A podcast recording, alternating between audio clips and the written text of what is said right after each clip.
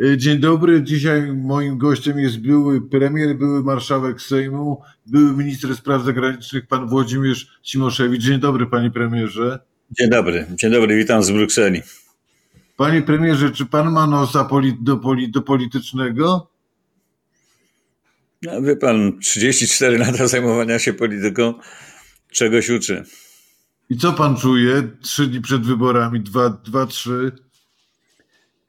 Proszę pana, no z jednej strony e, czuję odrobinę więcej optymizmu niż e, kilka tygodni temu. Wydaje się, że jest wyczuwalny nawet w sondażach opinii publicznej ruch e, taki korzystny dla opozycji. No ale nie jest to optymizm pozbawiony także pewnych zawahań.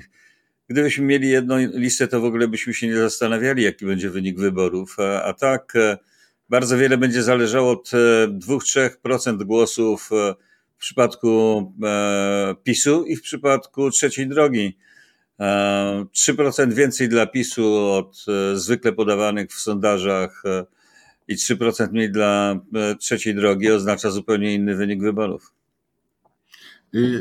A czy, czy, czy uważa, uważa pan, że bardziej prawdopodobna jest to trochę nieoczekiwana ewentualna górka dla PiSu czy opoz dla opozycji? Raczej dla opozycji. E, wie pan, z jednej strony no, tak to jest e, w różnych krajach, nie tylko przecież w Polsce, że e, spora część społeczeństwa, także część dotychczasowych zwolenników ugrupowań rządzących męczy się nimi. No, pamiętajmy o losach pani Thatcher, o losach Helmuta Kohla, wielu innych wybitnych e, wręcz przywódców e, w swoich krajach. Po jakimś czasie ludzie mieli ich dosyć i oni, mimo że kandydowali, próbowali ponownie e, pozostać u władzy, wygrać wybory, to, to je przegrywali. No ale z drugiej strony myślę, że jednak chociaż wielu z nas krytycznie odnoszących się do rządów PiSu oczekiwałoby jakiejś bardziej wyraźnej reakcji, to jednak nawarstwienie tych wszystkich okropnych skandali, w wykonaniu partii rządzącej e, pozostawia jakiś ślad, przynajmniej mobilizuje przeciwników do tego, żeby, czy krytyków e, do tego, żeby nie zostać w domu. Panie premierze, ja się absolutnie zgadzam z, e, z przykładami takimi jak Thatcher czy Kohl, tylko zastanawiam się, czy Thatcher oraz Kohl przegrali wybory, gdyby mieli dostęp do, do dyspozycji coś w stylu TVP. Proszę pana, w tamtych społeczeństwach by przegrali, bo oczywiście zdając sobie sprawę z tego, że głupstwa zdarzają się wszędzie, Brytyjczykom przydarzył się Brexit, Niemcom przydarza się alternatywa dla Niemiec, jednak e, w społeczeństwach bardziej dojrzałych, demokratycznie mających większe tradycje, ludzie chyba jednak są odrobinę bardziej odporni na tego typu propagandę, a w każdym razie byliby oburzeni, że za środki e, wspólne, budżetowe, partia rządząca uprawia e, tak ordynarną propagandę. Y, mieliśmy dwa, wąt, dwa główne wątki tej kampanii ze strony władzy, imigranci i bezpieczeństwo. Jak pan ocenia y, te dwa wątki, że tak powiem, rozbicie tego na, na czynniki pierwsze i wpływ tych dwóch wątków, tych kwestii na, na, na kampanię? Wie pan, to jest pytanie o to, jaka jest zdolność do racjonalnego myślenia, wyciągania wniosków w dużej części naszego społeczeństwa. Akurat w zakresie tych dwóch wątków, e, migracja, imigracja i bezpieczeństwo państwa, mieliśmy do czynienia z tak nieoczekiwanymi, tak gigantycznymi e, skandalami, że to powinno być, to powinny być dwa ciosy nokautujące dla rządzących. E, handel wizami, wydawanie setek tysięcy E, tych wiz, e, setek tysięcy pozwoleń na pracę w Unii Europejskiej, przecież nie tylko w Polsce. No a do tego wszystko to, co się dzieje z, z wojskiem, z armią, te helikoptery białoruskie latające nad Białorusią, nad Polską, nad, nad, moim, nad moim domem. E, Panie premierze, ja do, do, do obronności, bezpieczeństwa i armii za chwilę przejdę, ale muszę zapytać, jak pan jako były szef MSZ-u patrzy na historię wizową, skalę i, i, i postawę ministra i ministerstwa w tym całym procederze. Proszę pana, nie, nie chcę powtarzać tych samych zwrotów, ale to można określić tylko mianem skandalu, wielkiego skandalu. Przy czym e, ten skandal, który nas zaskoczył, w gruncie rzeczy no miał swoją pewną historię, miał swoją genezę. Dopiero teraz przy tej okazji dowiadujemy się, że kiedy uchwalano, zresztą dosyć chaotycznie, tak zwane ustawy covidowe, to pan wiceminister, który później został zdymisjonowany, wrzucił do jednych z tych ustaw covidowych E, zmianę polegającą na tym, że kompetencje konsulów mógł przejąć od tej pory minister, no, czyli na przykład on, wiceminister spraw zagranicznych, e, kompetencje w zakresie wydawania wiz. To, że później sam posyłał, czy to do Departamentu Konsularnego w MSZ, czy bezpośrednio do placówek, listy z nazwiskami osób, którym, e, cudzoziemców, którym miano wydać wizy, no to świadczy po prostu o konsekwentnym działaniu co najmniej tego człowieka, Należy wyjaśnić dlaczego. Czy on to robił dla pieniędzy, czy on to robił ze względu na to, że jakiś jego 25-letni pomagier go do tego popychał, co samo w sobie byłoby kompromitujące dla niego. No i oczywiście jest kwestia politycznej odpowiedzialności ministra, który się do tej odpowiedzialności w ogóle nie poczuwa. E, on, on oczywiście powinien być zdymisjonowany. To już to tych parę słów, które pan wypowiedział na temat bezpieczeństwa, zrozumiałem jako, jako swoistą deklarację, że ten, ten temat nie tylko nie powinien dawać noszenia par, partii rządzącej, ale przeciwnie powinien ją wysadzać też w powietrze. Tak, oczywiście, wie pan, no, nie, nie, wszyscy znamy te e, historie z tą rosyjską rakietą i, e, i z tymi właśnie śmigłowcami i z tymi żołnierzami, których tysiące Błaszczak posłał na wschodnią E, granice. Ja ich niestety ciągle widzę, wie pan. Jak w poniedziałek wyjechałem od siebie z Białowieży, jechałem na Okęcie, żeby przylecieć do Brukseli, to miałem długą kolumnę wojskowych pojazdów, pojazdów opancerzonych, jadących do Białowieży. To było kilometr od, od wjazdu do tej miejscowości. Po co się to robi? Jednocześnie słyszymy liczne informacje, także od żołnierzy mówiących to anonimowo, o tym, że oni nie mają tam w gruncie rzeczy żadnych zadań, e, których by się jakby domyślali, że sami to odbierają jako posunięcia propagandowe. Więc jeżeli się to wszystko widzi, jeżeli się słyszy o dwóch głównych dowódcach armii składających rezygnację, a to są oficerowie autentycznie apolityczni, i nie można szargać ich dobrego imienia i honoru, zarzucając im jakieś motywy polityczne w tym działaniu, to to są informacje wstrząsające.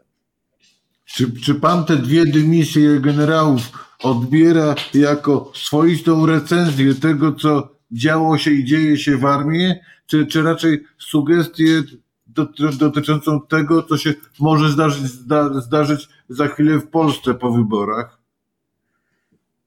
Raczej, raczej chyba jako reakcję na to, co się działo do tej pory. Wie pan, ja też się oczywiście obawiam tego, że jeśli PiS e, przegra w urnach, to może próbować e, użyć siły do utrzymania się u władzy. E, no ale na razie na to nie mamy żadnych dowodów. To są nasze przypuszczenia. Nawet oparte na takich silnych poszlakach jak styl sprawowania władzy przez PiS.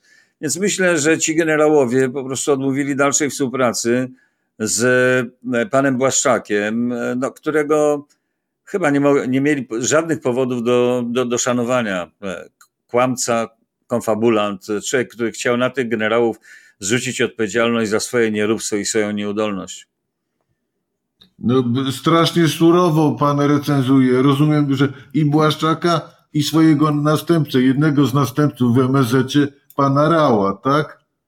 Proszę pana, wie pan, mówiąc szczerze... Rozumiem, ten sam, ten sam kaliber urzędniczy i ludzki? No, no pewnie tak. Ja e, żadnego z nich osobiście nie znam, no, ale obserwuję przynajmniej Błaszczaka od lat e, w polityce. To był no, po prostu taki partyjny e, funkcjonariusz, partyjny żołnierz, którego Kaczyński rzucał na różne fronty. E, e, Rała tylko zapamiętałem z jego zajadłej próby niedopuszczenia prezydent Zanowskiej do objęcia urzędu po wygranych e, wyborach. Natomiast to jest człowiek bez żadnych kwalifikacji, bez żadnego przygotowania do kierowania polską dyplomacją. Przy czym to nie jest tylko i wyłącznie kwestia osobista, wie pan. To jest kwestia całego jakby systemu sprawowania władzy w zakresie tworzenia i realizowania polityki zagranicznej przepraszam za takie stwierdzenie, ale ja sobie nie wyobrażam, żeby w czasach, kiedy ja byłem e, ministrem spraw zagranicznych, czy, czy, czy kiedy te funkcje pełnili tacy ludzie no jak Skubiszewski, Geremek, e, Rotfeld, e, e, żeby ci ministrowie tak naprawdę nie mieli nic do powiedzenia w, w zakresie polityki zagranicznej. To jest ich konstytucyjna i ustawowa kompetencja, a oni są po prostu tacy jak pan Rał, wykonawcami i dostosowują się do E, do no, wyobrażeń o świecie, zresztą bardzo wadliwych, bardzo nieprawidłowych, do rozmaitych fobii tego człowieka, który ma ciągle w, w, w obozie rządzącym najwięcej do powiedzenia. Y, panie premierze, czy pan oglądał w poniedziałek tę tak zwaną debatę czy antydebatę w TVP? Nie, podróżowałem jak raz do Brukseli, ale oczywiście wiem, jak przebiegała. I jak pan ocenia to, co pan wie? Niczym nie jestem zaskoczony, gdy chodzi o organizację i sposób prowadzenia.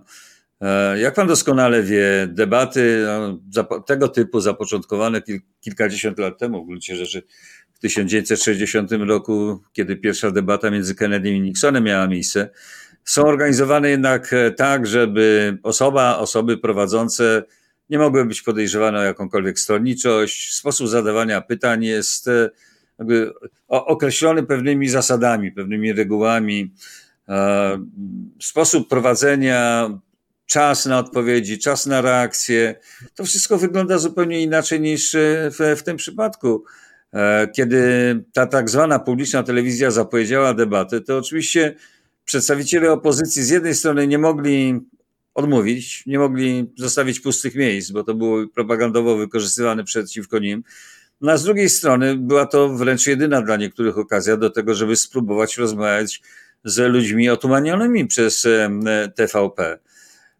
No, różni w różnym stopniu to wykorzystali. Mnie się wydaje, że Donald Tusk e, powinien był to rozegrać trochę inaczej. On nie powinien był w ogóle polemizować z Morawieckim, ten człowiek nie jest tego wart, tylko powinien był przedstawiać e, zasadnicze punkty e, swojej koncepcji politycznej i, i, i rządzenia. No ale było minęło, jest bardzo aktywny, nadrabia to we wszystkich tych świetnie zresztą prowadzonych spotkaniach w Polsce. Dobrze, że Hołownia wypadł e, porządnie. Ja nie, nie bardzo może jestem e, wielkim zwolennikiem tej inicjatywy politycznej, ale oczywiście jest bardzo ważne, żeby weszli do Sejmu jako koalicja.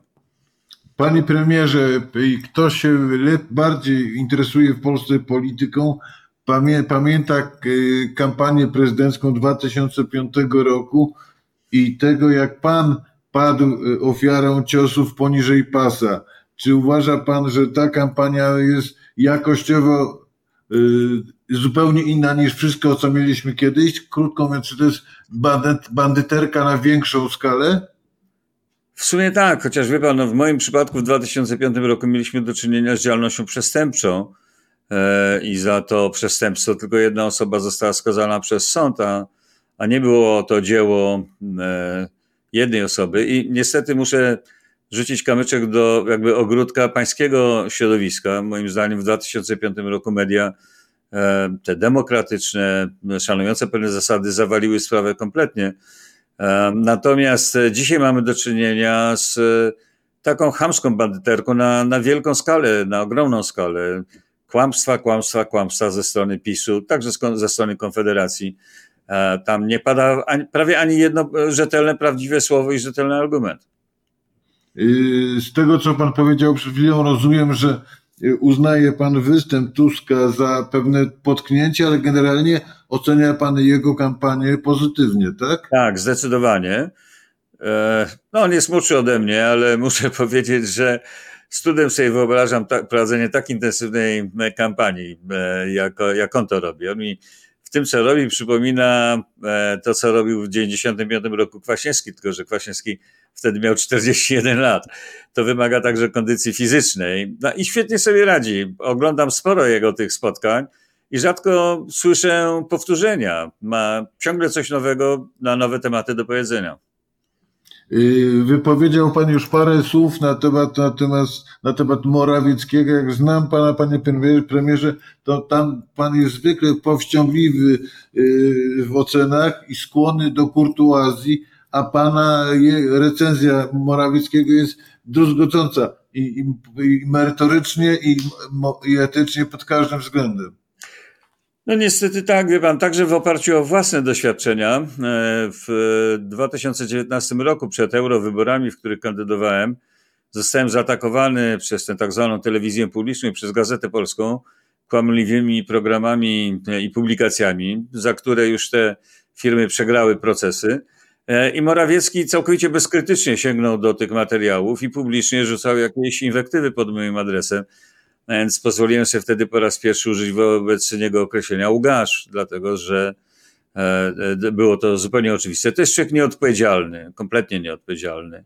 To jest krańcowy zupełnie karierowicz i oportunista, a jednocześnie człowiek, którego jakby ta strona etyczna, na przykład związana z robieniem interesów i tak dalej, budzi zasadnicze wątpliwości. Nie chodzi tylko o ten handel działkami i tak dalej, ale on doskonale wie, że e, rząd wprowadził rodzaj obligacji e, niezbyt powszechnie dostępnych z gwarancją wyrównania inflacji e, dla właścicieli tych obligacji. I pan premier, jako pewnie jeden z pierwszych w kolejce stanął i kupił za duże pieniądze takie obligacje. Czyli on doskonale wiedząc, jaka jest inflacja, doskonale wiedząc o planach rządu w emisji tego typu obligacji, swoje interesy zabezpieczył. To jest.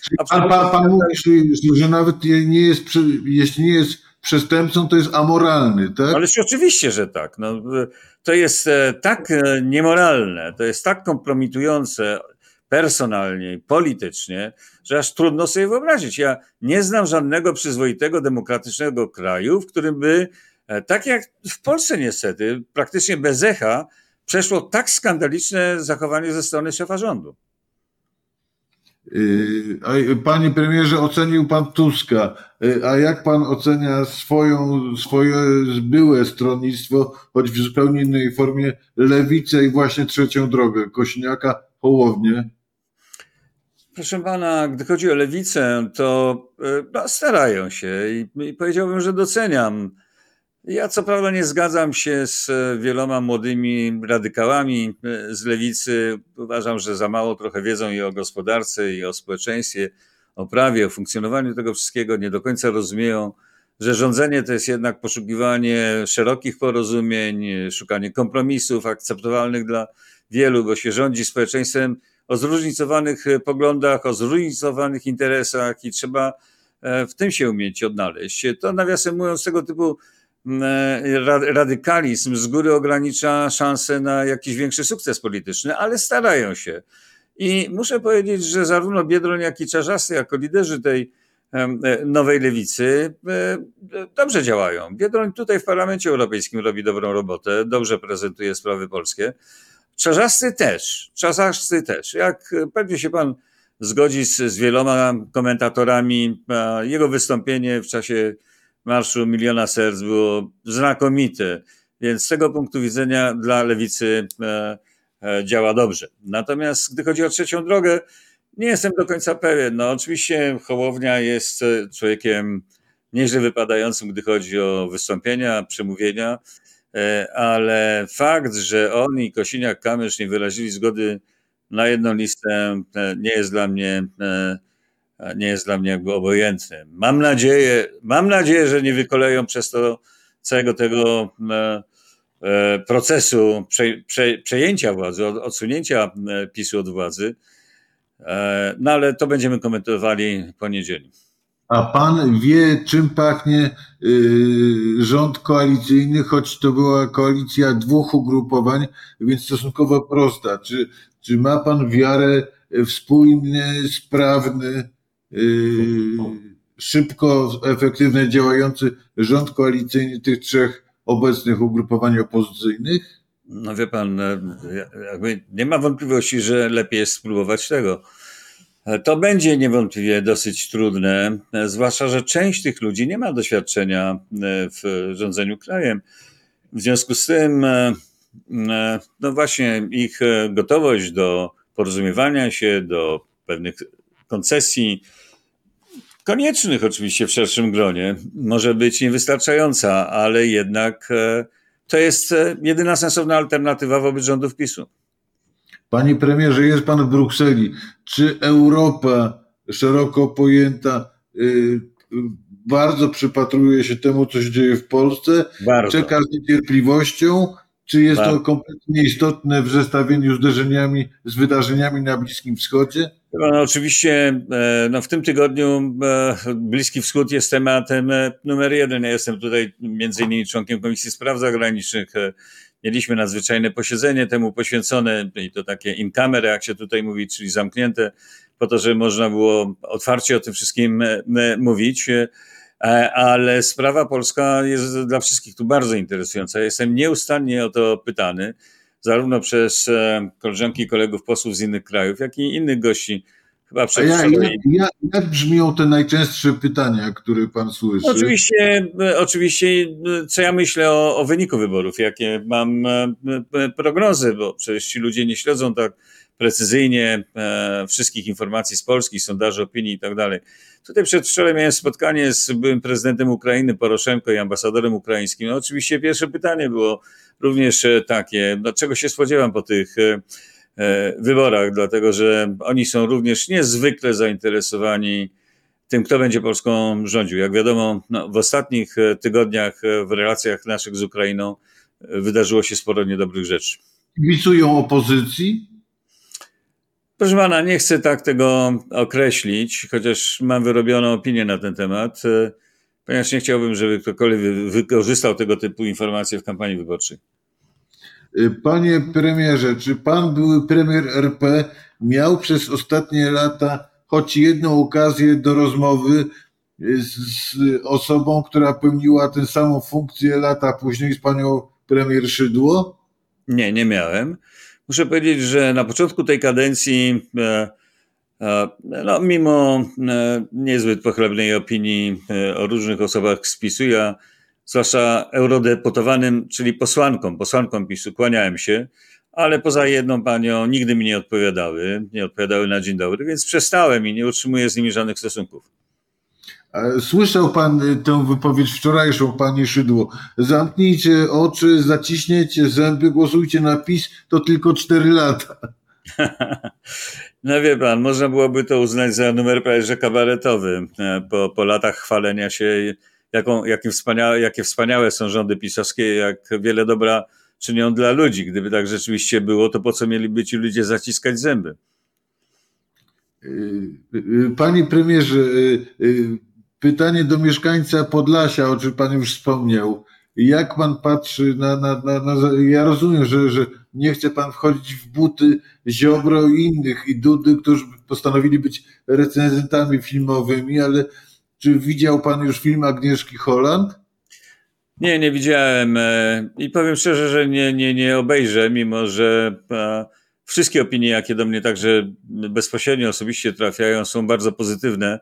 Ja po prostu już unikam e, rzeczy wywołujących emocje, a, a, a, a wiem od wielu osób, że trudno te emocje powstrzymać przy oglądaniu tego filmu, a ja jednocześnie po prostu wiem, co się działo i co się dzieje na granicy. Ja mieszkam 3 kilometry od granicy. Yy, a czy, czy da się, panie premierze, uniknąć tych emocji w niedzielę wieczorem? No nie, oczywiście nie, ale mam nadzieję, że będą pozytywne. Panie premierze, co, co pana zdaniem będzie y, spadkiem po PiSie w sensie politycznym, mentalnym? Co zostanie po tej władzy, jeśli oni przegrają w niedzielę? Wie pan, no po pierwsze pozostanie coś w rodzaju stajni Augiasza, którą trzeba posprzątać. E, potwornie zdeformowane prawo, e, zdeformowany wymiar sprawiedliwości, wiele instytucji państwowych upartyjnionych, nieupolitycznionych, upartyjnionych Trzeba niestety będzie sobie poradzić zarówno z tą e, warstwą regulacyjną, norm i tak dalej, ale trzeba będzie też rozwiązać wiele trudnych kwestii personalnych. E, a najpoważniejszym problemem natury politycznej będzie to, w jaki sposób e, osiągnąć pewne wyciszenie nastrojów, pewną racjonalizację stosunku ludzi do siebie i no, pewne, pewne pogodzenie. Przed naszą rozmową, jak raz czytałem tekst e, w CNN Online na temat Polski, na temat podziałów. No, my to dobrze wiemy, dla Amerykanów to może być pewne zaskoczenie na temat podziałów e, idących w poprzek rodzin. E, więc to jest jeden z najcięższych, największych obciążeń po rządach pisowskich, jakie zostają w polskim społeczeństwie. I ma pan jakiś pomysł, receptę, y, polityczno-psychologiczną, jak się te, tę Polskę powinno posklejać? No, Poza może poza us- usu, usunięciem źródła toksyn typu, typu rządzący z PiSu i TVP. Proszę pana, e, pe pewne rzeczy są oczywiście konieczne. No, tego typu telewizji publicznej, jaka, jaką zrobił PiS, tolerować nie można. To jest sprzeczne z prawem, to jest sprzeczne z interesami e, polskimi, to jest kompromitujące dla Polski. E, I to le lepiej, żeby takiej telewizji w ogóle nie było, niż e, żeby ją tak utrzymywać. Więc to nie będzie łatwe zadanie, nie tylko w kategoriach personalnych, ale koncepcji funkcjonowania telewizji, ale na ten temat się nie wypowiadam. Natomiast co zrobić, żeby próbować jednak te, te głębokie podziały, te rowy zasypywać, zmniejszać? Z jednej strony oczywiście nie wolno kontynuować czy powtarzać e, retoryki pisowskiej, nie wolno atakować ludzi inaczej myślących w tak brutalny, chamski e, sposób, jak robią to pisowcy, jak robi to Kaczyński. E, Ci ludzie nie są zdrajcami, nawet jeżeli są ignorantami i nie rozumieją wielu rzeczy. Natomiast trzeba po prostu sprawować władzę w sposób ewidentnie, oczywiście uczciwy, zorientowany na interes wspólny, tak żeby ludzie to widzieli, dostrzegali. I z czasem myślę, że zaczną zmieniać swoje nastawienie i także emocje będą opadały. Panie premierze, czy pan się dzisiaj bardziej boi yy, przegranej opozycji, czy tego, co się może zdać w Polsce, jeśli opozycja wygra? No boję się przegranej opozycji, bo tutaj dalszy scenariusz jest dla mnie zupełnie oczywisty. E, Scenariusz tego e, do, dotyczący tego drugiego wariantu wygranej opozycji, no jest tylko negatywny scenariusz, jest tylko możliwy, ale nie jest, nie jest pewny i mam nadzieję, że w Polsce, tak jak zresztą w różnych krajach bywało, e, służby te hierarchiczne, mundurowe, które by miały być ewentualnie wciągnięte w jakąś destrukcję, odmówią, nie zrobią tego. Ja przypomnę, że w 95 roku po porażce Lecha Wałęsy też baliśmy się, czy, e, czy czasem Lech Wałęsa nie odmówi przekazania władzy Kwaśniewskiemu, ale no, mimo, że porażka była oczywiście dla niego ogromnie bolesna, e, uniósł się ponad swoje osobiste interesy czy emocje i emocje otoczenia i zrobił to, co należało, więc mam nadzieję, że i w tym przypadku tak będzie. Jeśli nie, będzie interweniował świat zewnętrzny, będą interweniowali także nasi partnerzy i nasi sojusznicy. Czy myśli pan, że Kaczyński charakterologicznie, mentalnie jest zdolny, żeby oddać władzę, tak jak to się robi, robi tak jak to robią politycy w zachodnich krajach po przegranych wyborach? Wie pan, e, powiedziałbym że to jest dosyć obojętne. E, Jeżeli by zwycięstwo opozycji było oczywiste, ewidentne, niekwestionowane, e, to byłoby mu bardzo, bardzo trudno przeciwstawić się przejęciu władzy. Zwłaszcza, że to nie będzie coś, co się zdarzy w ciągu kilku godzin. E, Musi upłynąć parę tygodni. On z jednej strony oczywiście może próbować spiskować przeciwko przekazaniu władzy, ale z drugiej strony będzie narastała presja na to, żeby on zachował się tak, jak należy w demokratycznym państwie. A myśli pan, że pan Duda jest w stanie się tak zachować? Czy, czy okaże się jak zawsze wiernym lokaj, lokajem Kaczyńskiego? Wie pan, e, e, no nie, nie, nie mam zbyt wiele szacunku dla pana Dudy i jego klasy. Jego zrozumienia roli prezydenta, roli głowy państwa, jego odpowiedzialności. Ale powtarzam, Polska nie jest sama w świecie i ja myślę, że także pan Duda otrzyma sygnały od e, tych sojuszników, których lekceważyć nie może, że demokracja polega na tym, że jak się przegrało wybory, to się ustępuje. Panie premierze, bardzo serdecznie panu dziękuję za rozmowę. Dziękuję bardzo. Dziękuję bardzo, kłaniam się, do widzenia.